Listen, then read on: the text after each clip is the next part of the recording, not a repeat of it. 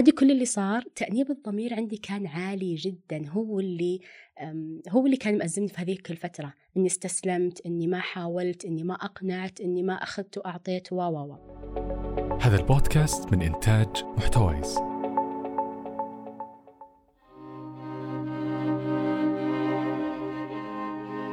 أهلا القصص من حولنا ما لها حدود مثل 5G زين شارك قصتك عبر قصة at محتوايز dot com وكن أنت القصة التالية. قبل سنة تقريبا قريت كتاب جميل مرة اسمه قوة اتخاذ القرار للكاتب ريموند باركر. ذكر أننا البشر نمتلك قوة كامنة في عقلنا الباطن. نقدر أننا نتحكم فيها بتحسين حياتنا أو تدميرها. وكلها ترجع حسب القرارات والنوايا اللي نختارها. شدتني قصة نهى. في اتخاذ قراراتها اللي غيرت من حياتها. مهتمة بشكل كبير بمستواي الدراسي وتحصيلي الدراسي لكن كان عندي مشكلة يعني يمكن يعتبرها البعض بسيطة لكنها هي فعلا كانت مشكلة يعني عميقة وهي أني خجولة جدا وعلاقاتي الاجتماعية كانت محدودة ومهاراتي الاجتماعية ضعيفة. مستحيل أبدأ أي حديث ولا يعني أشارك في أي نقاش إلا إذا طلب رأيي. في المشاركة في هذا النقاش بالرغم من رجاحة عقلي وقتها يعني في مرحلتي العمرية. استمرت حياتي على هالنمط لحد ما وصلت تقريبا للسنة الثانية من مرحلة البكالوريوس. أه وقتها بديت أحس إن فيه في قوة داخلية فيه في صراع أفكار في طموحات في داخلي يعني تحتاج فرصة إنها تظهر لإثبات وجودها على أرض الواقع. كنت متفهمة تماما لهذا الشعور لكن ما أعرف كيف أنا ممكن أصنع الفرصة وأسمح لهذا الطموح أنه يظهر للنور وأنه يصبح واقع أتعايش معه خلال روتيني اليومي. كان في أفكار كثيرة حوارات كثيرة في داخلي ما شاركتها أي أحد ولا صديقاتي ولا أهلي. كنت دائما هذه الحوارات بيني وبين نفسي فقط. اضطريت أني أقرأ مع العلم أني ما كنت قارئة أبدا سابقا. شعرت أن القراءة ممكن تنور بصيرتي أكثر ممكن توسع مداركي أكثر. بديت أبحث أنا كيف ممكن أحقق طموحي؟ كيف ممكن أكون ملهمة؟ كيف أكون فعالة في المجتمع؟ هذا اللي أنا كنت أعرفه عن نفسي. لكن كيف ومتى وش الفرصة الصحيحة ومتى وقتها الصحيح؟ هذا كله كان عبارة عن علامات استفهام في داخلي. كان عندي كذا نقطة حطتها في بالي في البداية آه، اللي هي مستحيل إني أكون يعني أعيش مرحلة فراغ أو إني ما أعمل ولا أي عمل آه هذه نقطة. النقطة الثانية كان في بالي أيضا إني ما أكون شخص عادي ما أشتغل وظيفة عادية يعني ما مكتب راجعين أوراق يعني الروت... العمل الروتيني هذا كان يقتلني طبعا مع كل احترامي وتقدير لأصحاب هالمهن يعني لكن أنا ما كنت أجد نفسي ابدا في هذا المكان. طيله آه، السنتين اللي بقيت لي في مرحلة البكالوريوس كنت دايما أفكر okay نهى قرب التخرج. وبعدين وش بتصيري وش تتوظفي وش حتكوني وش مسماك الوظيفي؟ يعني كلام كثير وأسئلة كثيرة كانت تدور في بالي وفعلا كنت في مرحلة توهان يعني. لكن الجملة اللي كانت تتردد في بالي دائما هي نهى ممنوع تجلسي في البيت نهائيا بعد التخرج. يمكن 80% من الخريجين تطاردهم مخاوف الفراغ والجلسة بدون عمل. وكيف راح يكون مستقبلي؟ ووين أتوظف؟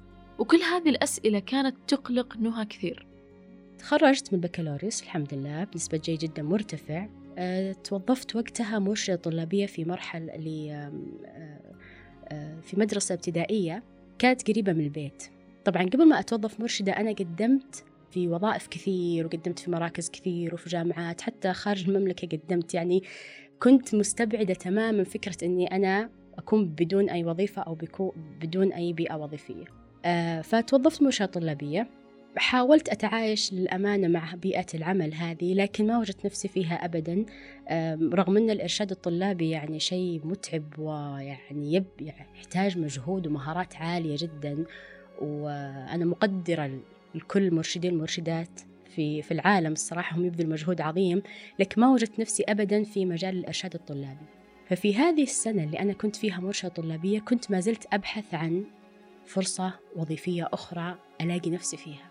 قدمت في الجامعات في المراكز في كل مكان.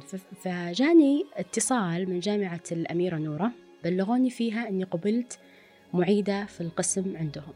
أنا هنا حسيت أنه فعلا كأنه بصيص أمل. هذا المكان اللي فعلا ممكن يحتويني. هذا المكان اللي يعني يناسب نهى يناسب مهاراتي يناسب فكري وطموحي. رحت واختبرت. طبعا كان عدد المتقدمات كثير جدا. اختبرت واجتزت الاختبار الحمد لله. اجتزت المقابلة الشخصية. بدأت أوصل لإنهاء أوراق قبولي بشكل نهائي. بعد مشوار قبول الوظيفة من اختبارات ومقابلات كان في شرط واحد يفصل بين نهى وبين الوظيفة اللي هي تحلم فيها. كان وقتها عندهم شرط من إجراءات القبول الموافقة على الابتعاث الخارجي لإكمال الماجستير والدكتوراه. ووقتها كان يتطلب توقيع ولي الأمر على هالشرط. ما كان زي الآن يعني الموضوع راجع لك أنت جملة وتفصيلا يعني. تكلمت مع الوالد على هالموضوع يعني فقال لي آه لا أوكي في الموضوع صعب وإحنا خايفين عليك. وكان في مشاعر اللي كأنه يعني ودة إنه ما يردني بس إنه يعني خايف جدا متخوف يعني. فشعرت إن فيه يعني أخذ وعطف الموضوع فقال لي الموضوع راجع لك يا بنتي لكن لو تركتيه ربي بيعوضك بأفضل منها. طبعا ما أخفيكم قديش الموضوع يعني صدمني أن كذا كأنه جبل أحلام وانهدم قدام عيني يعني. يعني أنا تعبت على ما أوصل لي وش أنا أبغى أكون. فلما حصلت الفرصة لا قاعدة تتلاشى يعني قدام عيني وأنا طبعا استسلمت تماما ولا ناقشت ولا أخذت ولا أعطيت. طيب تمام رحت عند الموظفة قلت أنا أعتذر عن هذه الوظيفة. شوفوا أحد ثاني في قائمة الانتظار بدالي. حتى الموظفة كانت مستغربة من استسلامي يعني. وقتها ما كان عندي أي ردة فعل. أنا زعلت داخليا بس ما أصدرت أي ردة فعل. لما رجعت البيت واستوعبت كل اللي صار وقفت قلت نهى أنت تخليتي عن حلم. أنت يعني كافحتي وتعبتي عشان توصلي لي أصلا وش تبغى تكوني. ففجأة كذا عادي استسلمتي عادي رضيتي عادي عادي كل اللي صار. تأنيب الضمير عندي كان عالي جدا هو اللي هو اللي كان مأزمني في هذيك الفترة. إني استسلمت إني ما حاولت إني ما أقنعت إني ما أخذت وأعطيت و و لكن داخليا أنا دع يعني دعيت من كل قلبي بكل يقين أن فعلا ربي يعوضني بأفضل منها. وخلاص يعني أخذ الزعل شويتين يعني ما كثرنا يعني وخلاص وعشنا ورجعت مرشدة طلابية أحاول يعني أتعايش مع روتيني اليومي واللي يعدي اليوم يعدي بكرة. وعارفة أنه في فرص إن شاء الله يعني حيكتبها ربي لي مستقبلا. بعدها بكم شهر جاني اتصال من جامعة الدمام. بلغوني أني قبلت معيدة عندهم وكان القسم وقتها جديد في الجامعة يعني لسه ما ما في يعني حتى موظفات كثير أو طالبات كثير. أنا هنا قلت أوه الحمد لله هذا العوض اللي أنا دعيت ربي يعني عشانه بعد جامعة الأميرة نورة رحت قدمت أوراقي اختبرت اجتزت المقابلة الحمد لله كل أموري كانت يعني تمام وفل الفل. وكملت أوراقي الرسمية وغيري مسماك المهني وروحي الوزارة الخدمة المدنية وجيبي الأوراق الفلانية وأموري ماشية تمام. لكن يعني كان عندي شعور داخلي غريب. ما كنت أشعر بأي سعادة ولا بأي راحة في كل خطوة أنا أسويها. لكن كنت أتجاهل هالشعور للأمانة. أقول يعني لا عادي مكان جديد كوني أنا أصلا من الرياض ورحت الدمام بيئة جديدة ناس ما أعرفهم. يعني كنت أختلق أعذار بس عشان عقلي ما ينشغل بهذا الإحساس وهذا الشعور الغير جيد أبدا يعني. رغم أن نهى توظفت معيدة إلى أن شعور الضيقة ما اختفى وعلى العكس صار يزيد كل يوم أكثر وأكثر. إلى ما جاء اليوم اللي وصلت لنهى رسالة أنقذتها. أنا كنت دائما أدعي ربي وأقول يا رب اصرفها عني بحكمتك إذا ما فيها خير لي. عشان أنا كذا أحس بالارتياح خلاص إنه شيء كذا صار أقدار رب العالمين هي اللي صرفتها مو بإيدي أنا يعني تخليت عنها. كملت يعني مهامي الوظيفية وبديت فيها. بعدها تقريبا شهر جاني رسالة على الجوال أني انقبلت في آه، أحد جامعات الرياض لدراسة الماجستير. هنا الفرج. هنا أنا سجدت لربي شكر أنه الحمد لله كيف ربي كذا أنقذني من هذا. من هذا التوتر من هذا ال... ال... الإحساس المزعج بحكمة وبقدر من رب العالمين وشيء برضه كويس دراسة يعني كان يعني أوبشن وارد أصلا عندي يعني. طبعا استخرت على طول اتخذت قراري في يوم وليلة. لأنه فعلا أصلا الرسالة اللي جتني عن عن القبول الماجستير ما حسيت إني ما حسيت إني أخذت وقت إني أقول وظيفة ولا دراسة لا. ما حتى ما سألت نفسي هالسؤال.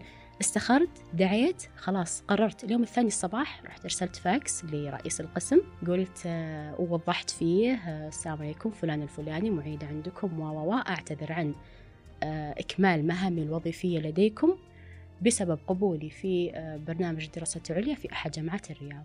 وشكرا شكرا. طبعا آه رئيس القسم يمكن ما كمل ساعة الفاكس اتصل علي مباشرة قال آه، فلانة. قلت إي نعم. قال جانا فاكس. هو بالخطأ ولا صحيح ولا أنت فعلا اعتذرتي؟ قلت لا فعلا أنا اعتذرت يا دكتور والله يوفقكم وكذا يعني وأنا بروح أكمل خلاص دراستي. قال طيب خلينا بس يعني نتفق شوي أو نعيد الأمور. أنت أنت بتتركي وظيفة تعتبر حلم يعني الكل خريج حلم الكل بنت يعني. كيف تتركي وظيفة عضو هيئة تدريس وتروحي تكملي دراسة؟ أنت بترجعي طالبة من جديد أنت مستوعبة؟ قلت إيوة أنا عارفة ومستوعبة ومقتنعة تماما. وشكرا أنكم مهتمين لهالموضوع يعني ومتمسكين. لكن أنا يعني قراري هذا بكامل قواي العقلية.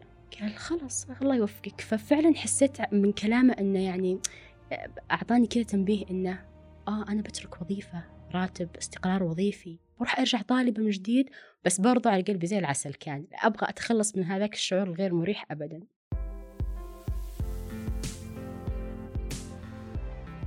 كان ورا قرار نهى إنها تترك وظيفة واستقرار مادي مو سهل أبدا ويتطلب قوة كبيرة عشان ترجع من جديد طالبة وتبحث عن عمل مرة ثانية. لكن ما كانت تدري إن المفاجأة الكبيرة تنتظرها في مرحلة الماجستير. وقتها للأمانة يعني إنه جاني بس كذا شعور بسيط إنه فعلا أنا تركت وظيفة عشان أرجع أدرس. أوكي ربي بيعوضني إن شاء الله. في فرصة ثانية إنه عادي في فرصة ثانية. دائما وأبدا في فرص يعني جديدة الحياة ما توقف. انشغلت بالدراسة ومرت أول سنة في الماجستير. بعدها سمعت أن القسم عندنا يحتاج إلى معيدين جدد يعني لل... يقدموا في القسم. آه، قدمت أوراقي وكان عدد متقدمين كثير الصراحة يعني سواء في القسم الرجالي أو النسائي. فقدمت أوراقي على أمل أن إن شاء الله يعني ربي يكتب لي قبول فيها. في نص دراستي آه، بعد سنة من دراسة الماجستير قدمت أوراقي كمعيدة في القسم عندنا في نفس الجامعة اللي أنا أدرس فيها. على أمل أنه الله يكتب لي فيها قبول يعني. آه نسيت طبعا أنا قدمت أوراقي و... ولهيت بالدراسة رجعت بدينا السنة الثانية الماجستير ويلا ومشاريع و... وأبحاث وتدريب ميداني يعني شيء فعلا نسيت تماما إني أنا قدمت أوراقي أو إني أصلا حتى قدمت على وظيفة يعني. في يوم الاثنين حتى أتذكر والله الوقت كان الساعة 10 الصباح يوم الاثنين كان عندي أوف في جدولي. وكنت مشغولة بال بال بالمشاريع وكذا يعني. حتى يوم الأوف كنت أشتغل يعني من قوة ما أن الماجستير فعلا ينسيك حتى روتين يومك. جاني اتصال من آه، الجامعة موظف مسؤول قال السلام عليكم نهى. عليكم السلام إي نعم. معك فلان الفلاني من قسم كذا كذا في الجامعة بس حابين نبشرك إن أنت انقبلتي عندنا معيدة في القسم. يا الله على هذاك الاتصال وعلى هذاك الخبر فعلا شعور لا يمكن وصفه أبدا. سبحان الله كيف الفرص كيف الفرص؟ يعني كأنها مرسومة رسم فعلا. يعني الحمد لله شيء راح في فرصة ثانية شيء راح في فرصة ثانية سواء كانت يعني بأقدار من رب العالمين أو أو أنا بخيار من عندي شخصي بس في النهاية هي كلها يعني مكتوبة من قبل ما إحنا ننولد ومرسومة وفي الوقت الصح وفي, المكان الصحيح. يعني الحمد لله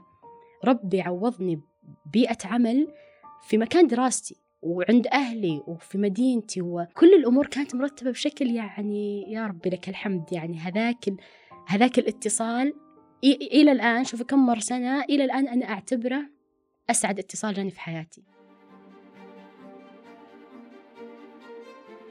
الحياة فرص آه، الدنيا فرص آه، عوض ربي كبير مرة الذهب تزين. كنت أسمعها بس الأمانة ما كنت يعني حاسة فيها أو أشعر أنها يعني شيء واقعي موجود يعني. لحد ما حصل معي هذا هذه ما أعرف شو ممكن أسميها بس أحداث كثيرة وكانت متواصلة بشكل كبير يعني. ورا بعض يعني كل هذا الكلام اللي أنا ذكرته تقريبا سنة ونص إلى سنتين كلها كذا ورا بعض. وأول مرة تصير لي وكنت في عمر نوعا ما أعتبره صغير يعني حتى تجاربي في الحياة وخبرتي في الحياة ما هي كانت كبيرة يعني وعميقة. دائما دائما يعني ضروري أن نعرف نداخل كل واحد فينا فرصة عظيمة. قوة عظيمة لازم تظهر لازم يشوفها لازم آه، يسمح لها تطلع ويصنع لها جو مناسب آه، حتى يشوفها ويشوف ثمرة هذه الفرصة وهذه القوة يعني في في حياته. نهى الغامدي عضو هيئة التدريس في كلية العلوم الاجتماعية. الحياة بحر واسع من الاحتمالات وهناك مكان شاسع للدهشة. وكل منا قصة تستحق أن تروى. وفي قصة ضيفتنا نهى قوة في اتخاذ القرارات وانتهاز فرص لا تعوض. فانظر في داخلك وفيما حولك بحثا عن القصة التالية. فالقصة لا تموت القصة تحيا إلى الأبد.